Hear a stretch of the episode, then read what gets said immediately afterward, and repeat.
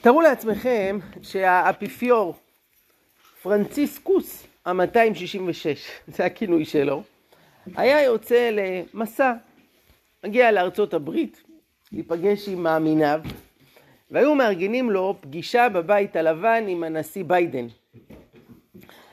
הם היו מתיישבים זה מול זה, מסתכלים אחד על השני, ואז ביידן היה אומר לאפיפיור, תגיד, בן כמה אתה? זה נשמע קצת אה, חוסר טקט, נכון? כן, אפילו במושגים ישראלים. אתם יודעים דרך אגב מה המילה העברית לטקט? אין. ישראלים לא אלופים בזה. אבל אמריקאים אנשים מנומסים. זאת לא השאלה שאתה שואל מישהו, אתה צריך לדבר בכבוד, אה, איך הייתה הנסיעה, how do you feel, בן כמה אתה, נשמע קצת מוזר. אבל האמת היא שזה מה שקורה בדיוק בפרשת השבוע.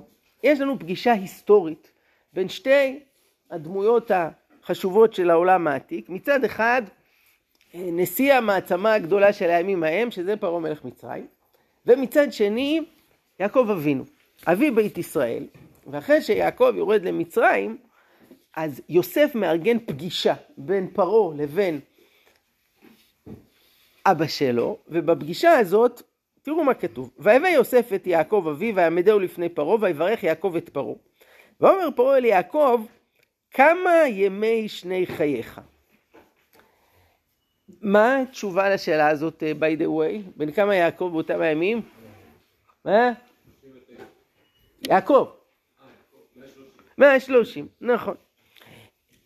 אז התשובה היא קצרה וקולעת. אני בן 130. תראו מה יעקב עונה. ואומר יעקב אל פרעה, ימי שני מגורי שלושים ומעט שנה. מעט ורעים היו ימי שני חיי, ולא השיגו את ימי שני חיי אבותיו בימי מגוריהם. הוא פוצח פה באיזשהו מונולוג טרחני, מתלונן, אל תשאל, החיים קשים, העליזה והמיסים וחמותי, ו... שאל אותך בן כמה אתה, תענה, מה פה הנאום הזה? לפעמים יש לי כזה יצר רע להיות קצת שובב, כשמגיעים למחסום, נגיד עשינו שבת, והחייל שם אומר, אה, איך אתה פותח את החלון, אז הוא כזה יראה לי הכל בסדר, שואל מה שלומכם? בא לי ככה להתחיל, אל תשאל, היינו שבת אצל חמותי והכ... לא, אתה לא עושה לו את זה, יגיד יאללה, עשה. זה לא זמן עכשיו לסכנ"שים. מה יעקב מתחיל פה? ב... תשמע, החיים שלי היו קשים, ואבותיי, ואני, וזה... משונה. אני אשאיר שנייה את השאלה הזאת. אה, בצד, כבר נחזור אליה. ותראו, אם התורה מתארת לנו שיחה כזאת, והיא מנציחה פה איזה דו-שיח שהיה לפני ארבעת אלפים שנה, כנראה שזו שיחה מאוד מאוד מאוד משמעותית. אבל מה המשמעות שלה? כשהייתי נער, אחת השאלות שמאוד הטרידו אותי זה היה אה, נושא של גיל העולם. כמה זמן העולם קיים? כמה זמן? תלוי את מי שואלים. תשאל את המדענים, הם יגידו לך 14 וחצי מיליארד שנים. מאז המפץ הגדול ואז ימינו, זה הרבה זמן. אה, לפי התורה כמה זמן העולם קיים, אז אם סופרים את השנים מאז בריאת העולם ועד היום, כמה יוצא? אנחנו עכשיו A אלפים תשפ"ד, זה יוצא פחות מששת אלפים שנה. והייתי בחור צעיר ומאוד הטריד אותי איך זה מסתדר, איך מיישבים את הסתירה הזאת.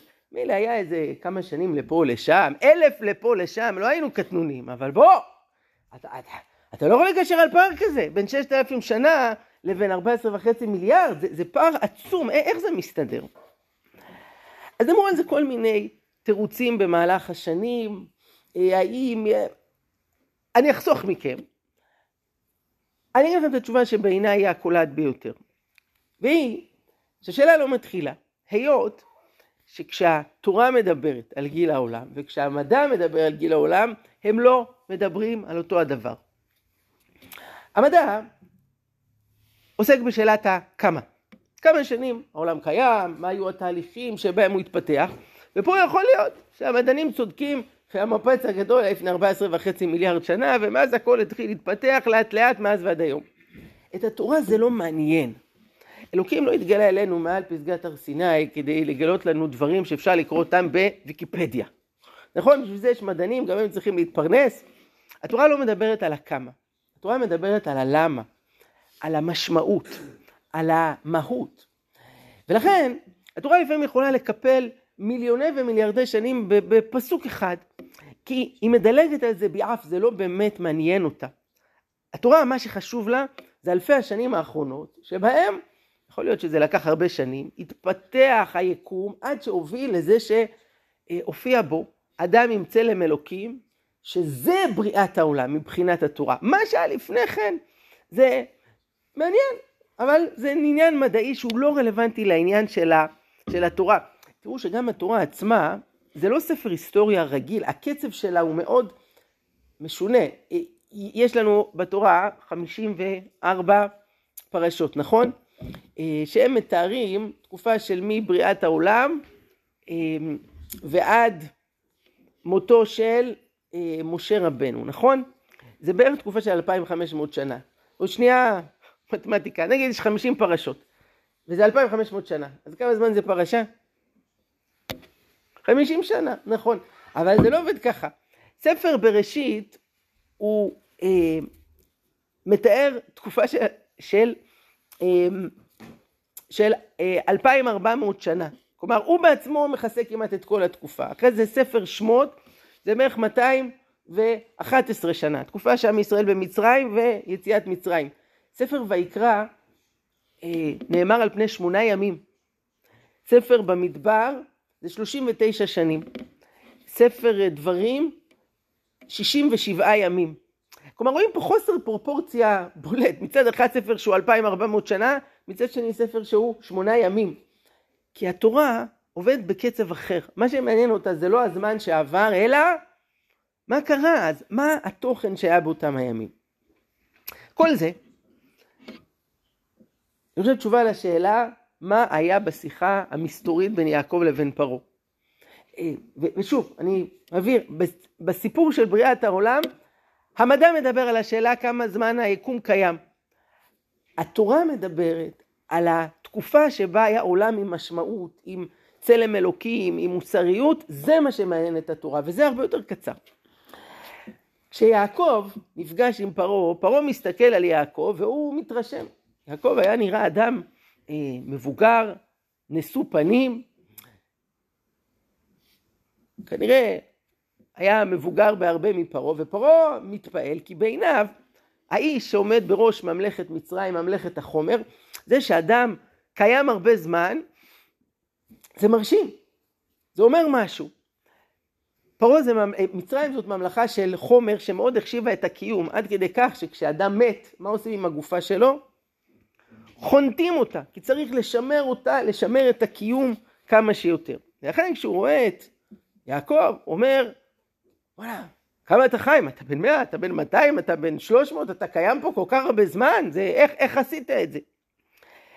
יעקב מסתכל על הדברים אחרת.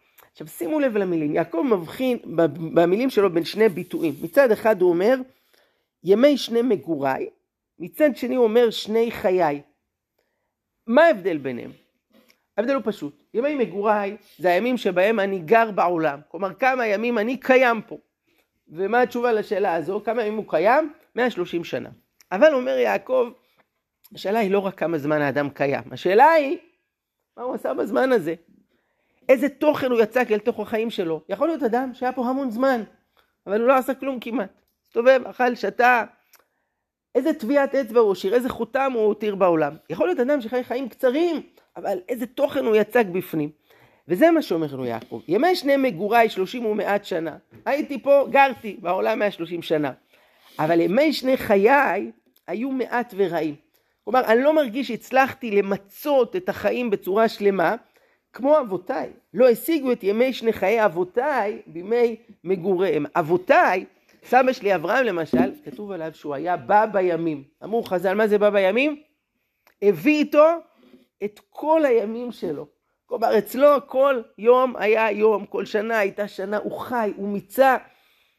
ככה מספרים על השפת אמת, האדמו"ר מגור, כשהוא נפטר, הוא היה בן אה, חמישים ושבע. אז בהלוויה הבן שלו, רבי אברהם מרדכי, אמר, אבא שלנו זכה ל... אריכות ימים. אז אחיו אמר לו, איזה אריכות ימים? הוא היה בן 57, היה יכול לחיות גם עוד 20 שנה, מה, מה, זה לא... אז אמר לו אחיו, כן, היו לו שנים קצרות, אבל היה לו ימים ארוכים. כלומר, בשנים הקצרות שהיה לו, איזה ימים מלאים, איזה חיים, איזה תוכן היה. מוחמד עלי היה אלוף העולם במשקל כבד. והוא היה טיפוס, היה לו גם פה גדול, והוא גם הסתבך בכל מיני דברים, אה, טיפוס צבעוני ומעניין. היו לו כמה הברקות, בין השאר הוא אמר משפט יפה, זה, באנגלית זה נשמע אה, מצוין, הוא אמר ככה, אה, מה? Don't count the days, make the days count. בעברית זה כזה, אל תספרו את הימים, תדאגו שהימים ייספרו. אבל אה, כן, יחשבו.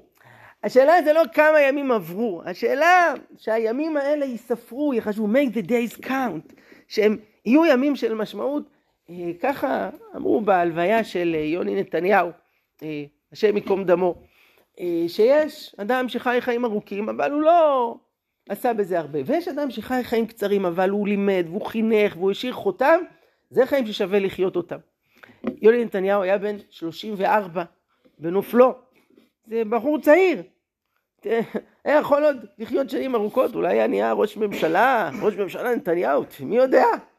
אבל בשנים שהוא חי, הוא השאיר אה, מורשת, היה דמות, אה, השאיר חותם גדול בימים הקצרים. זה מה שאומר יעקב. השאלה זה לא כמה אני גרתי פה, אל תספור את זה. השאלה כמה חייתי מתוך זה, זאת השאלה החשובה. בדרך כלל כשעומדים מול, מול מוות, אנחנו מתחילים יותר להעריך את החיים ולומדים את מה צריך לספור.